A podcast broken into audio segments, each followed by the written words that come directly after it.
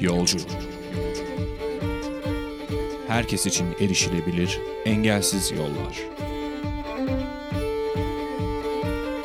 Hazırlayan ve sunan Zerrin Tezer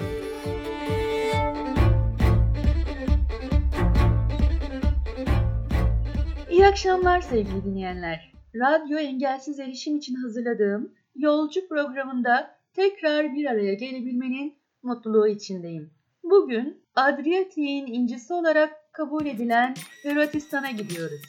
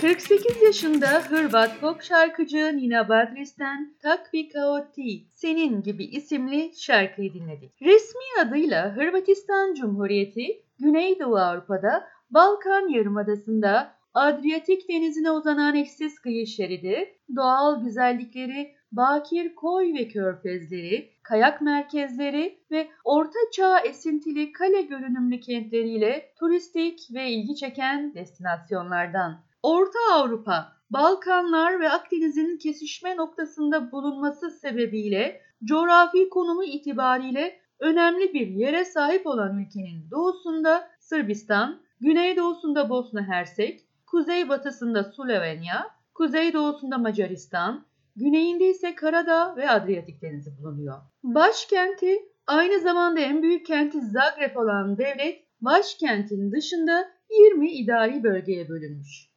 56.594 kilometre karelik yüz ölçümünde yaşayan yaklaşık 4 milyonluk nüfus resmi dil olarak Hırvatça konuşuyor.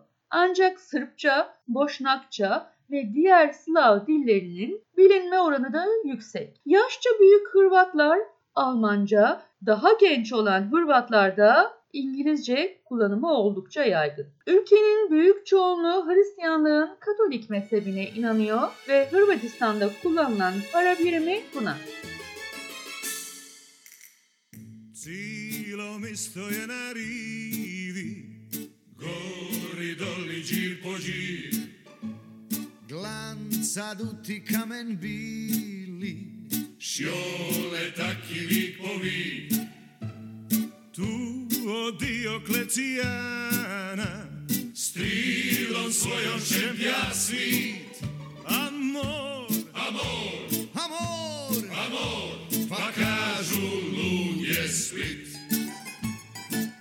Manta ljubav ka prvo vino, miriše cviće kad te pogledam. Ću te pri cilom rivo, amor je ti, ja srce da ti dam.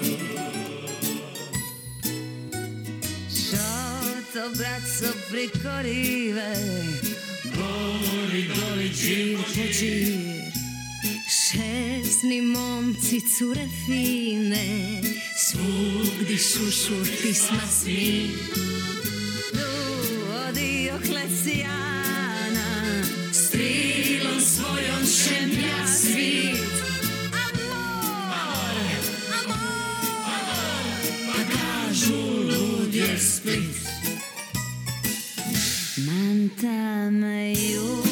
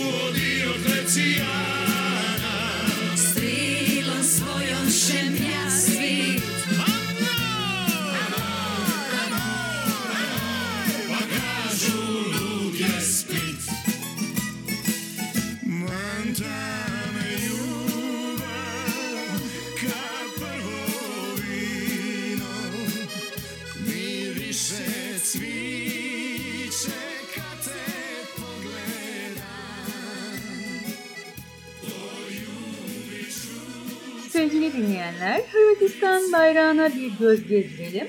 Yukarıdan aşağı kırmızı, beyaz ve mavi renklerde 3 eşit yatay şeritten oluşuyor.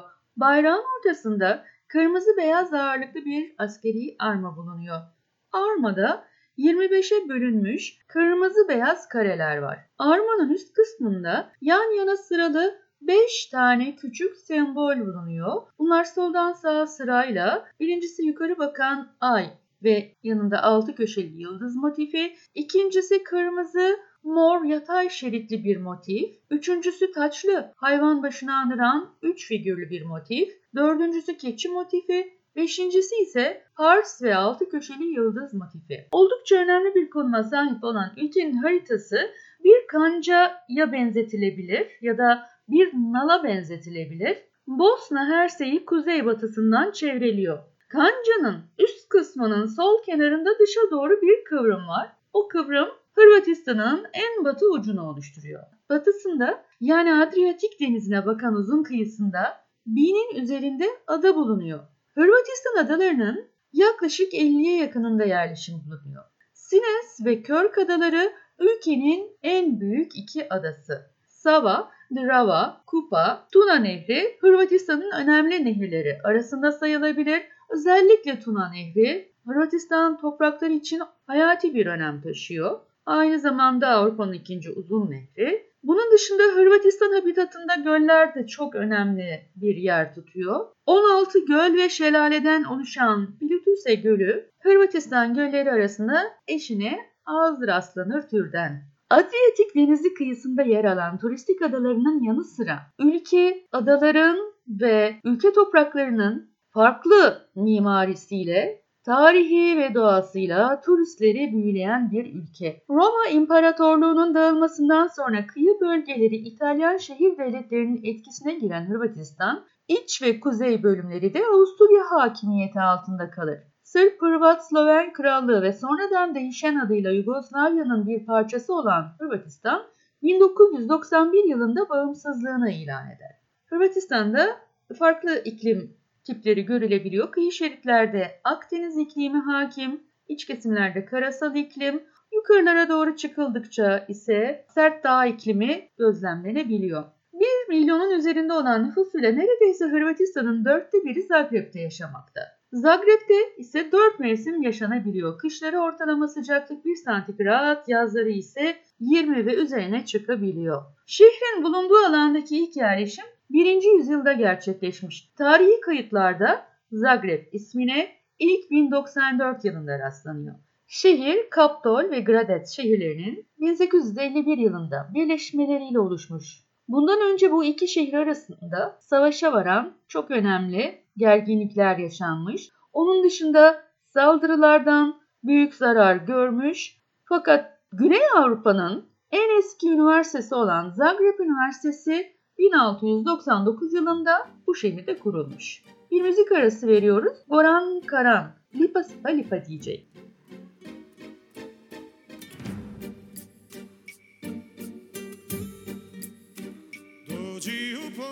Ponoć, prođi niz kaline Ako se nisi drugom obećala Za tobom noćas plaću mandoline Najljepša ružo i kad procvitala Dođi u ponoć, prođi kraj džardina Tu je mladost uvijek ljubovala braću tebi cvita kruž marina Tu di je mater ocu viru dala. Lipa si lipa, anđeli ti sliče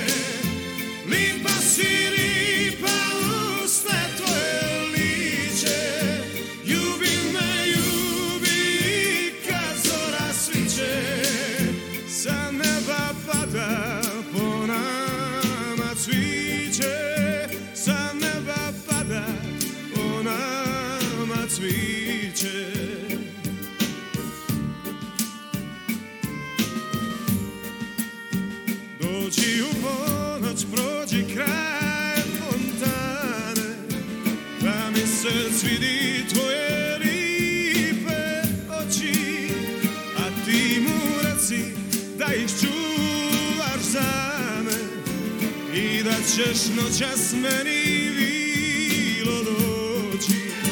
Lipa si lipa, anđeli ti sliče. Lipa si lipa, usne tvoje lice. Ljubi me, ljubi kad zora sviće Sa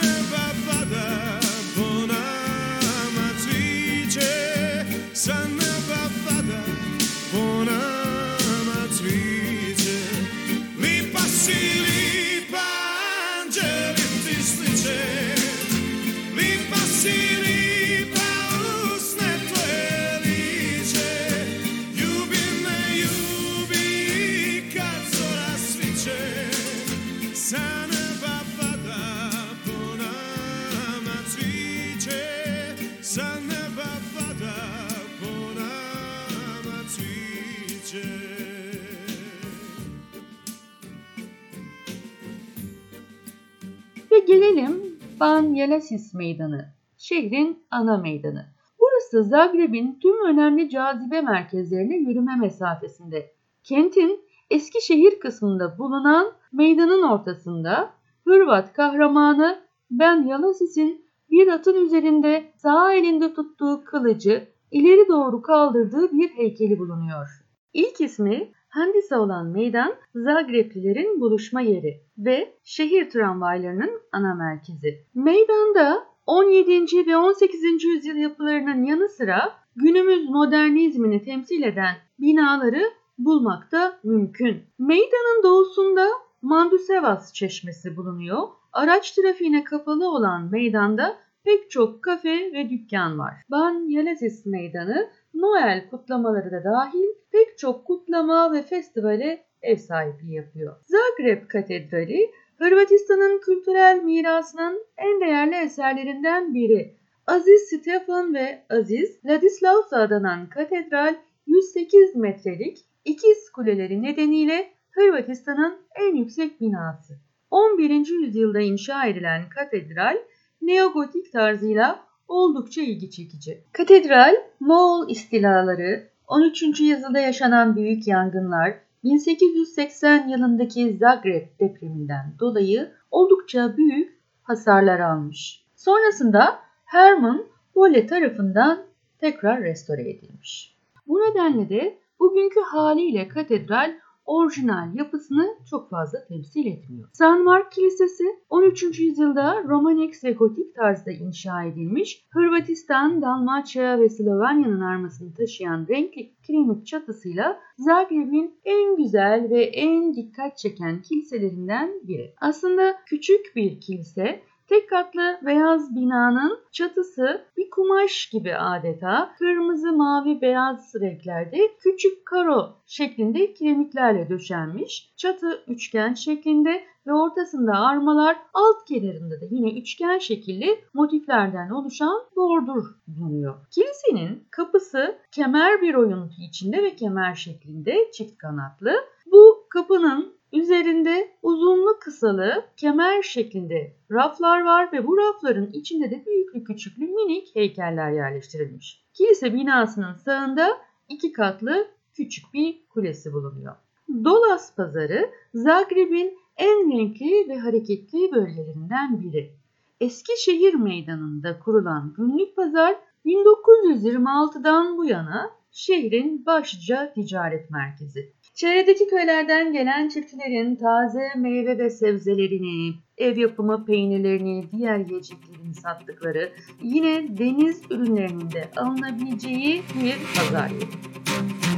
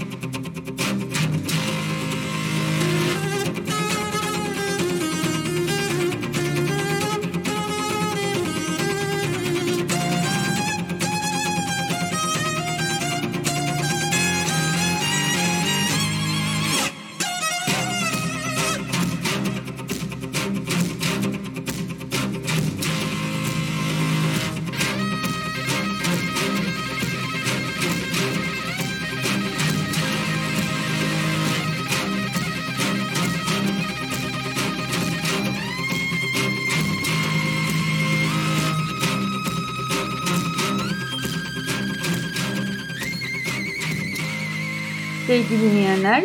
Bu güzel performansı Luka Sulis, Stefan Hauser'dan oluşan Hırvat Çelist ikiliden dinledik. Bildiğimiz bir şarkıydı. Rocky müziğinin unutulmaz Eye of the Tiger isimli şarkısını birlikte yorumladılar. Sanki yaylar tellerin üzerinde sürtünürken birbirleriyle kıyasıya bir düello yapıyor gibiler. Bizim halk müziğimizde aşıkların atışmalarına benzetilebilir. Çok güzel bir performans gerçekten. Bu iki sanatçı hem bireysel hem ikili olarak cello enstrümanını adeta konuşturuyorlar. Şimdi Lotursak Kulesi'nden biraz bahsedelim. Güney şehir kapısını korumak amacıyla 13. yüzyılda inşa edilmiş. Gornji Grad yani yukarı şehir adı verilen şehrin eski kesiminde bulunan kule bir dönem hapishane olarak kullanılmış. Latince ismi hırsızlar çanı olan bu kuleden her gün öğle saatlerinde top atışları yapılıyor. Bu nedenle kuleye yapılacak ziyaretlerin öğle saatlerine denk getirilmemesi tavsiye ediliyor. Hırvatistan'ın ikinci en büyük şehri olan Split, Dalmaçya'nın tam ortasında bulunuyor. Adriyatik'in doğu yakasında bir yarımada üzerinde kurulmuş olan Split, bölgedeki en eski şehir olma özelliğini taşıyor ve aynı zamanda liman şehri olmasından dolayı da ülke ekonomisine oldukça önemli bir katkı sağlıyor. Roma döneminin mimarisini yansıtan Peristil Meydanı, etraftaki taş yapıtları, Diosletien Sarayı'nın etrafında Arnavut kaldırımlı labirent dar sokakları ve plajlarıyla oldukça ilgi ve beğeni toplayan bir şehir. Diosletien 4. yüzyılın başında Roma İmparatoru için yapılmış ve bugün Hırvatistan'ın en eski Split kentinin yaklaşık yarısını oluşturan bir saray. İmparatorun emeklilik ikametgahı olarak tasarlandığı için adı saray olarak geçiyor fakat yapının yaklaşık yarısı kişisel kullanım için ayrılmış olmakla birlikte geri kalanı askeri amaçlar için ayrılmış. Surların içinde yer alan ve pek çok binadan oluşan saray kompleksi 38 bin metrekarelik bir alanda ve imparatorun saraya doğrudan gemiden ulaşabilmesi için denize cephesi olacak şekilde inşa edilmiş. Saray deniz tarafında 22 metre, kara tarafında 18 metre yüksekliğinde savunma duvarları ile çevrili. Surların batı, kuzey ve doğu cephelerine üçü günümüze ulaşabilen 16 kule yapılmış. Surlara giriş ise kalıntıları hala görülebilen 11 metre genişliğindeki 4 kapıdan sağlanırmış. Mimarının kim olduğu bilinmeyen sarayın yapımında kireç taşı, tuğla, mermer, tasarımında ise Roma villa ve castrum yani kale mimarisinin bir karışımı kullanılmış. Sarayın iki ana yolunun kavşağında Roma mimarisinde sıkça kullanılan ve peristil adı verilen bir sundurma yer alıyor. Sütunlarla dekore edilmiş sundurma Roma vatandaşlarının toplanması için bir meydan oluşturmak amacıyla yapılmış. Meydana Mısır'dan getirilen ve günümüzde sadece 3 tanesi ulaşan bir dizi Sphinx yerleştirilmiş. Katedrale 13. yüzyılda 57 metre yüksekliğinde bir çan kulesi eklenmiş. Romanex tarzda sahip kule 20. yüzyılın başlarında restore edilmiş. Katedral 1979 yılında UNESCO tarafından Dünya Mirası listesine dahil edilmiş. Şimdi bir müzik arası veriyoruz. Tony Setinski, Zelkio Yoksimovic, Zabluda Hata isimli şarkıyı seslendirecek. Hep birlikte dinliyoruz.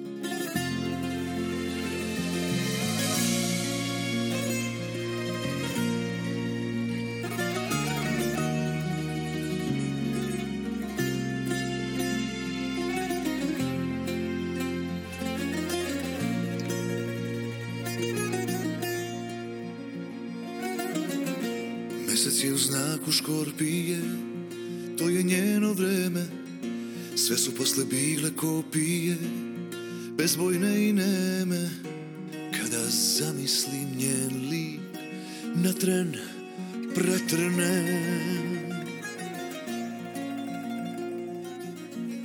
U pogledima tražimo obrise, koji na nju liče. Glavom protiv srca borim se, Al na kraju priče Srce proda stari trik Pa se otrgne. I odluta Putevima nekih davnih dana. To magija je bila Naporana svila Na njenim grudima.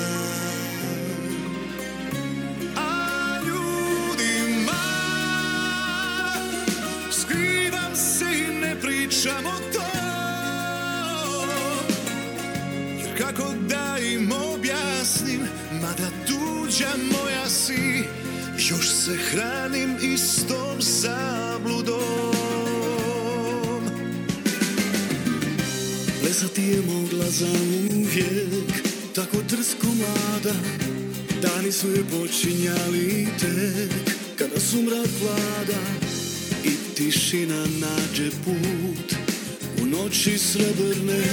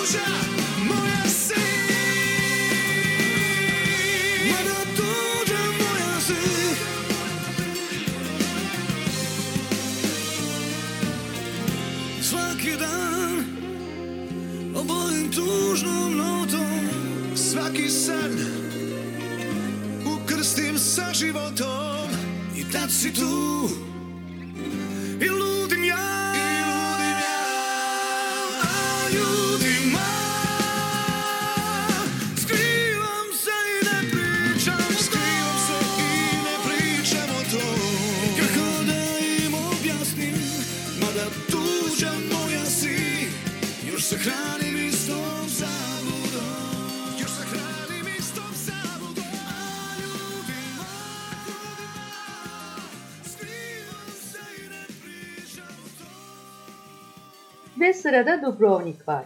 Eski adıyla Rakusa, Hırvatistan'ın Adriyatik sahilinde bulunan Orta Çağ'dan kalma tarihi eserleriyle ünlü şehri. Hırvatistan'ın 1991'de Yugoslavya'dan ayrılışı sırasında çıkan iç savaşta Sırp saldırıları nedeniyle şehirdeki pek çok tarihi eser büyük ölçüde zarar görmüş. Dubrovnik birkaç bölgeden oluşan bir yerleşime sahip. Ana merkez Starigrad denilen eski şehir Old Town, surlarla çevrili Orta Çağ havasının solunabileceği kırmızı kiremitli yapılarla dolu bir yer. Surlarla çevrili olan ve UNESCO Dünya Mirası listesinde bulunan bu yer şehrin kalbinin attığı nokta. Old Town'da birbirinden güzel binaların ve renkli kafelerin bulunduğu Stradun Caddesi buranın en işlek yeri. Birçok kutlamalar, törenler bu caddede yapılıyor. Old Town'un aslında dört kapısı bulunuyor ama bunlardan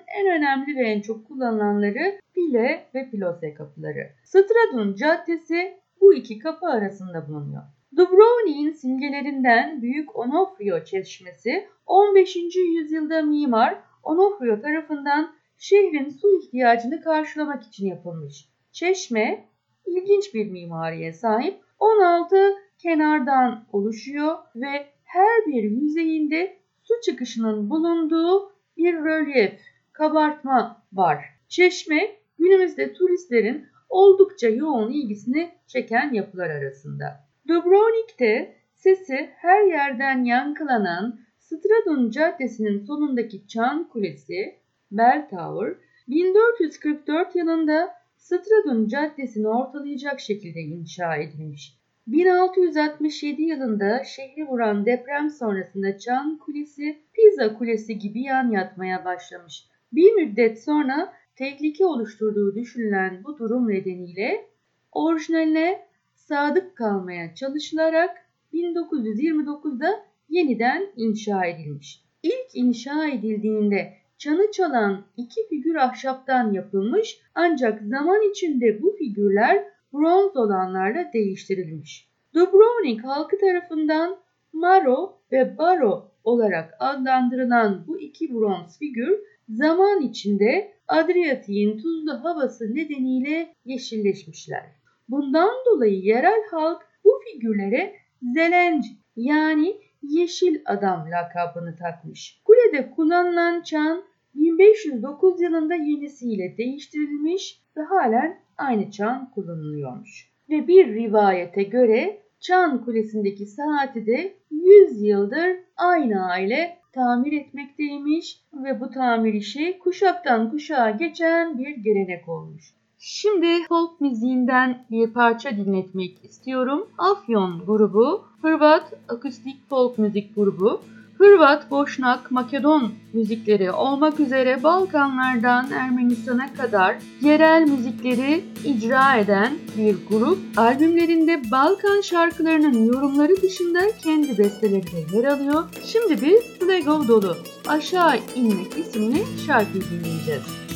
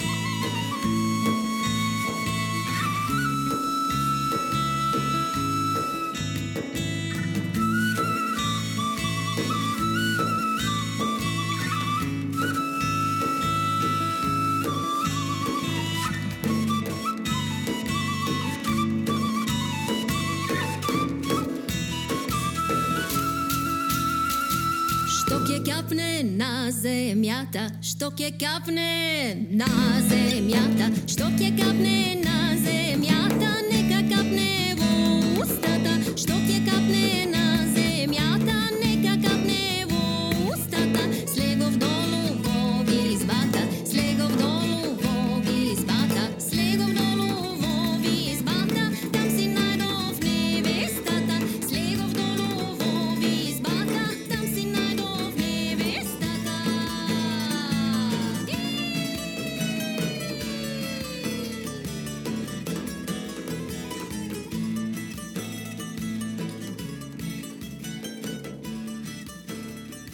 Dubrovnik'te başka bir tarihi eserden söz etmek istiyorum. Fransiskan Manastırı. Yapımına 1317 yılında başlanan manastır yıllar süren çalışmalar sonunda tamamlanmış. Ancak 1667'deki büyük depremde hasar görmüş ve 17. yüzyılda restore edilmiş. Manastır 20 binden fazla kitap ve 1200'den fazla el yazması ile dünyanın sayılı ve paha biçilmez koleksiyonlarından birini barındırıyor. Hırvatistan'ın en büyük kütüphanelerinden birine ev sahipliği yapan manastırın en ilgi çeken diğer bölümü de alt katında yer alan eczane. Manastırın Fransisken üyelerinin hastalık durumunda tedavilerini sağlamak amacıyla 14. yüzyılda yapımına karar verilen eczane halka açık bir düzende inşa edilmiş. 1938 yılında müzeye dönüştürülmüş ve bu eczane şu an dünyanın ayakta kalan en eski 3. eczanesi olma özelliğini taşıyor. Gelelim Hırvatistan'da yer alan dünyanın en küçük kasabası Hum kasabasına. Hum kasabası 20-23 kişilik bir nüfusa sahip olan Istra'nın merkezinde dünyanın en küçük kasabası. Şimdi hızlıca Dalmaçya'nın adalarına değinelim. Sines, Körk Adası ile aynı boyutta ve Hırvatistan'daki en büyük iki adadan bir diğeri. Bu ada Adriyatik Denizi'nin kuzey bölgesinde ve adanın büyük bir bölümü halen gelişmemiş durumda. Burası Venedik mimarisine meraklı olanların kesinlikle gidip görmesi gereken bir yer. Bir başka özelliği denizin ve komşu adaların muhteşem manzarasıyla Lubanis'in dikkat çekici güzellikte olan antik dağ köyleri. Sines aynı zamanda adanın tek temiz su kaynağı olan, bununla birlikte Doğu Avrupa'daki en derin temiz su kaynaklarından biri olan, deniz seviyesinden 50 metre aşağı kadar inen Vrana Gölü ile oldukça ünlü. Bir diğer adamız Mijet, Hırvatistan'ın en güneyindeki ada. Bu ada iç kısımlardaki tuzlu su gölleri ve yemyeşil bitki örtülerinin bulunduğu ulusal parkı ile tanınıyor. Burada iki gölden büyük olanın da içinde bulunduğu küçücük bir ada üzerinde 12. yüzyıldan kalma Aziz Benedikt Rahibi Manastırı var. Mijet Adası ormana doğru giden birçok gizli yolu keşfetmek, yüzmek, ada üzerinde gözden uzak sahillerde güneşlenmek, bisiklet sürmek, kano ile gezmek için oldukça ideal bir yer. Bu ada aynı zamanda efsanevi Ulysses mağarasının da bulunduğu yer. Bak Adası Hırvatistan'daki en büyük 50. ada. En uzun kıyı şeritlerinden birine sahip bu Kuzey Dalmaçya Adası efsanevi Hidaut Müzik Festivali ve birçok diğer yaz etkinliğinin yapıldığı Sirkse sahil sayesinde aynı zamanda Hırvatistan'ın parti adası olarak biliniyor. Bununla birlikte yaz boyunca süren birçok festivalleri ve adaya gelen turistlerinin yanı sıra 4 mevsimiyle bu adada yaşayan yaklaşık 8 binlik bir nüfus var. Ziyaretçiler adanın kendine özgü muhteşem el yapımı dantellerine dokunmadan ve o muhteşem koyun peynirlerinin tadına bakmadan adadan ayrılmıyorlar. Sevgili dinleyenler, erkeklerin boyun bağı olarak bildiğimiz kravatın Hırvatistan'la bir alakası var. Ben çok kısa olarak değinmek istiyorum. Savaş döneminde Hırvat kadınlar erkeklerini, oğullarını, kocalarını askere savaşa gönderirken evlerinden sıcak bir nesne yanlarında olsun ve hem sevdiklerini hem evlerini anımsasınlar diye boyunlarındaki atkılarını bazıları başörtülerini çıkarıp erkeklerinin boyunlarına bağlayıp bir de düğüm tarlarmış. Bir başka inanışa göre de bu düğüm sevdiklerini kötülüklerden korurmuş. Bu bir alışkanlık haline gelmiş ve savaşa giden bütün Hırvat erkeklerin boynunda sevgililerinin, analarının verdikleri bağlar yer alırmış. Savaş sonrasında Fransa'ya giden bir grup askerin boynunda görülen bu bağlar çok ilgi ve görmüş. Önce Fransız askerleri sonrasında da tabii ki farklı kumaşlardan imal edilerek tüm erkeklerde kravat kullanımı bu vesileyle başlamış olmuş. Ve sevgili dinleyenler, dünyanın önde gelen crossover müzisyenlerinden olan 45 yaşındaki Hırvat sanatçı, piyanist Maxim Mirviksa'dan bir parça dinlemeden geçilmez diye düşünüyorum. Klasik müzik eğitimi alan Mirvik ise klasik ve popüler müziğin içe geçtiği ve artık kendi başına bir tür olan Kurosawa'nın öncülerinden. Saniyede 16 nota çalabildiği söylenen sanatçı aynı zamanda dünyanın en hızlı çalan piyanistleri arasında da büyük ilgi görüyor. Hep birlikte dinliyoruz.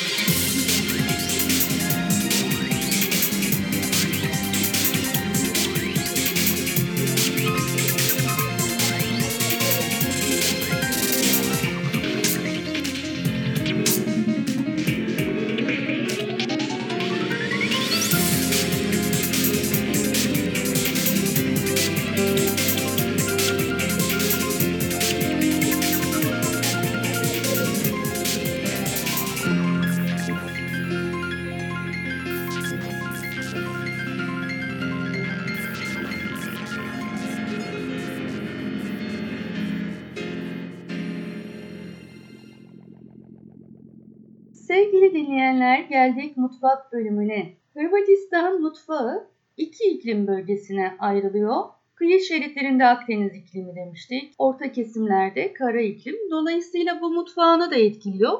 Akdeniz ikliminde balık ve sebze ön plana çıkıyor. İç kesimlerde de daha çok sığır eti ve çeşitli kümes hayvanları kullanılıyor. Kıyı şeritlerinde sebzeler haşlanarak ya da ızgara şeklinde üzerlerine zeytinyağı dökülerek kullanılıyor ve zeytinyağı kullanımı özellikle kıyı şeritlerinde çok yaygın. En çok tükettikleri sebzelerin başında Dalmatya lahanası ve roka geliyor. Kara iklimin hakim olduğu bölgede ise demin de bahsettiğimiz gibi et ağırlıklı yemekleri tercih ediyorlar. Özellikle ilkbahar aylarında kuzu eti tüketiliyor. İnek sütünden yapılan taze peynir çeşitleri tüketimi oldukça yaygın. Bu peynir taze ve tuzsuz olan peynirlerle hem tatlı hem tuzlu yemekler yapabiliyorlar.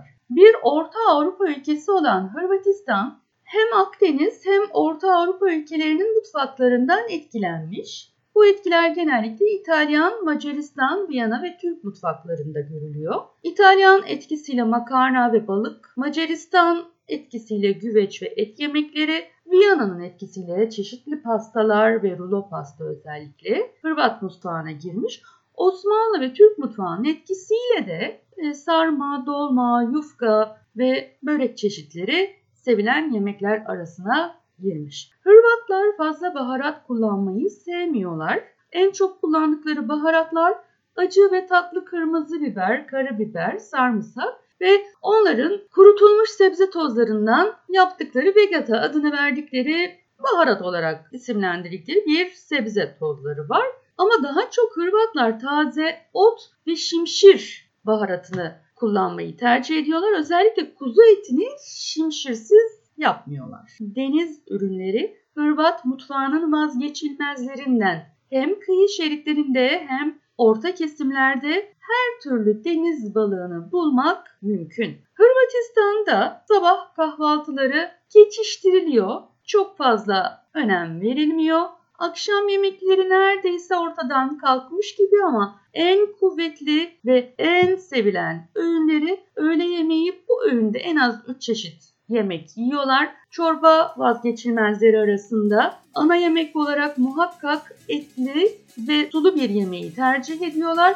Sonrasında da bir üçüncü çeşit olabiliyor ama genellikle bu üçüncü çeşidinde tatlı olmasını tercih ediyorlar. Palaçinka adını verdikleri krepten yapılan içine farklı malzemeler koyduk ve çikolata soslarıyla servis ettikleri bir tatlı çeşidi.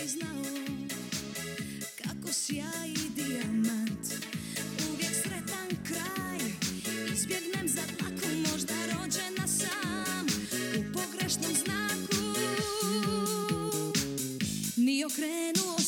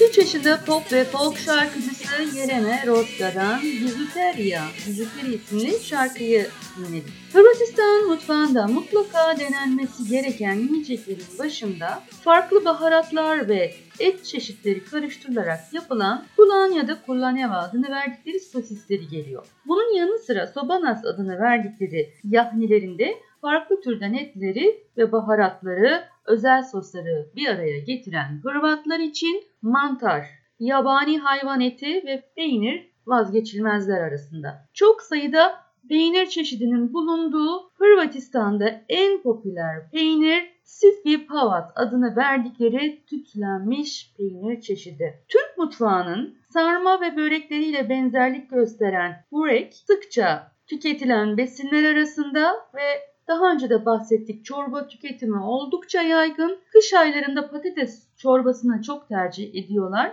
Bunun dışında çeşitli sebzelerle harmanlayarak biftek ve tavuk kullanarak yaptıkları çorba çeşitleri de oldukça meşhur. Geleneksel günlerinde özellikle düğünlerde en çok servis ettikleri yiyecekler arasında hasbisada denenmesi gereken yiyecekler arasında bu bir et yemeği ama içine kuru erik ve kuru incir katılarak yapılıyor.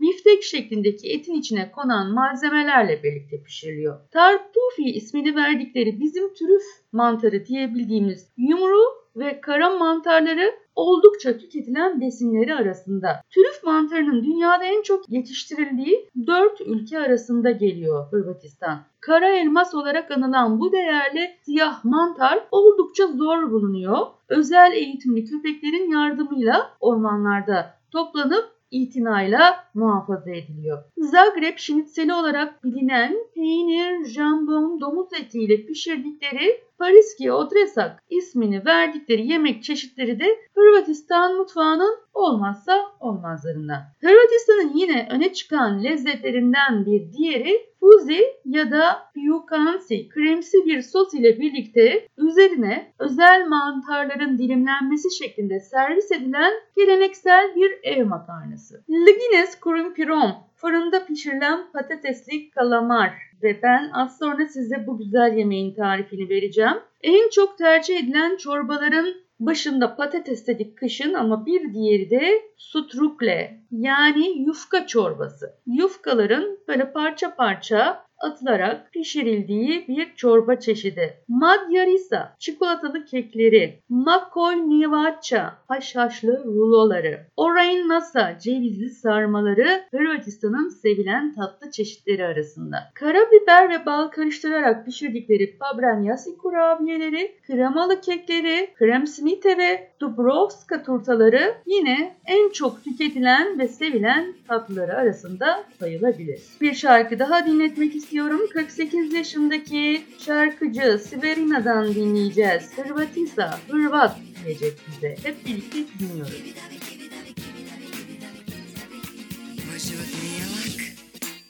Barem imam stila Jer kako god okrenem, sve sam živo napravila. Dobro, dala se nisam još, ali imam želju jaku. Samo da je muško, ja ne tražim u jaju dlaku. Transparentna sam,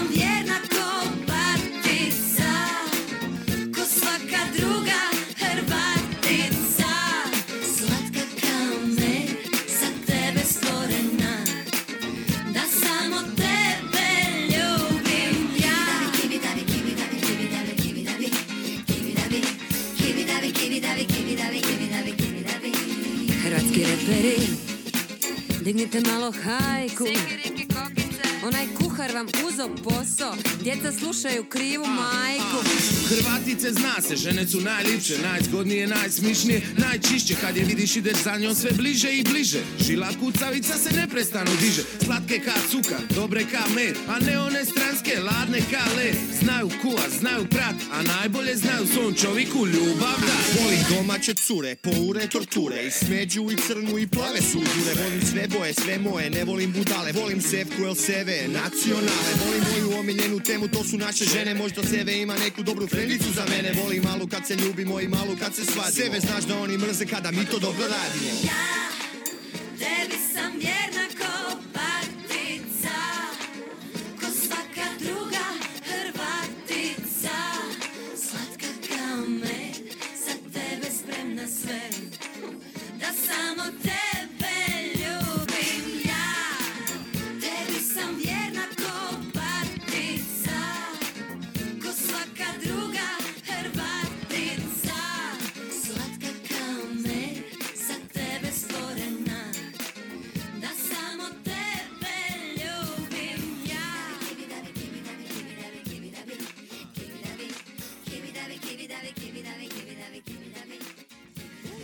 Tarifimizi veriyorum. Linkes Kurimsturum. Malzemelerimiz 500 gram kalamar, 1,5 kilo patates, 100 ml zeytinyağı, 3 iri diş sarımsak, 1 çorba kaşığı vegeta yani kuru sebze tozu, yarım su bardağı galeta unu, 30 gram tereyağı, yarım demet maydanoz, karabiber ve tuz. Kalamarları yıkadıktan sonra 2 santim kalınlığında halkalar halinde kesiyoruz. Dondurulmuş kalamar kullanmamız da mümkün. O zaman zaten halka halinde hazır geliyor kalamarlar. Patatesleri yine yıkayıp soyduktan sonra dilimliyoruz. Sarımsakları dövüyoruz. Maydanozları da kıyıyoruz. Zeytinyağı ile birlikte karıştırıp fırına koyacağımız tavanın içine bu malzemelerin yarısını koyuyoruz. Ardından patatesleri tepsinin altına diziyoruz. Üstüne kalamarları ekliyoruz. Sonra bu kalamarların üzerine maydanozların yarısını, tuzu, karabiberi ve vegetayı serpiyoruz. Kalan patatesleri tekrar kalamarların üzerine örtüyoruz. Dövdüğümüz sarımsaklar ve zeytinyağı maydanoz karışımı vardı yarısını ayırmıştık. Şimdi bu karışımı en son koyduğumuz patateslerin üzerine döküyoruz. Yine birazcık tuz ve karabiber serpip yaklaşık 220 derecede önceden ısıtılmış fırının içine koyuyoruz. 45 dakika kadar pişiriyoruz. Yemeğin pişmesine yakın küçük bir tavada 30 gramlık tereyağımızı kızdırıyoruz ve içine galeta unumuzu atıyoruz. Galeta unu böyle hafif altın rengi kıvamına geldiğinde altını kapatıyoruz. Fırından çıkardığımız patateslerin üzerine bu tereyağlı galeta unu karışımını iyice bütün üstünü kaplayacak şekilde döküyoruz. Son olarak tekrar fırının içine koyuyoruz ve böyle o tereyağını içine çekecek şekilde yaklaşık 5-10 dakika kadar daha fırında bırakıyoruz. Son olarak çıkarıp servis tabağına alıyoruz. Üzerine yine kıyılmış maydanozlarla birlikte servis ediyoruz. Afiyetler olsun. Sevgili dinleyenler bir programımızın daha sonuna geldik. Ama bugün programı kapatmadan önce farklı bir şey yapmak istiyorum. Ve bir yolcudan daha bahsetmek istiyorum size. Emre Can Ataş, Joe Conchi isimli müzisyenlerden oluşan yolcu grubu geçtiğimiz hafta içinde ikinci single'larını çıkardılar. Şarkıların adı The Somewhere. Grup yaptığı müzik türünü elektronik, art pop, deneysel ve Türk folk olarak adlandırıyor. Gerçekten farklı bir tarzları var. The Somewhere isimli şarkı gerçekten alıp götürüyor. Tüm yolcuların yolları açık olsun diyorum ve şarkıyı sizinle paylaşıyorum.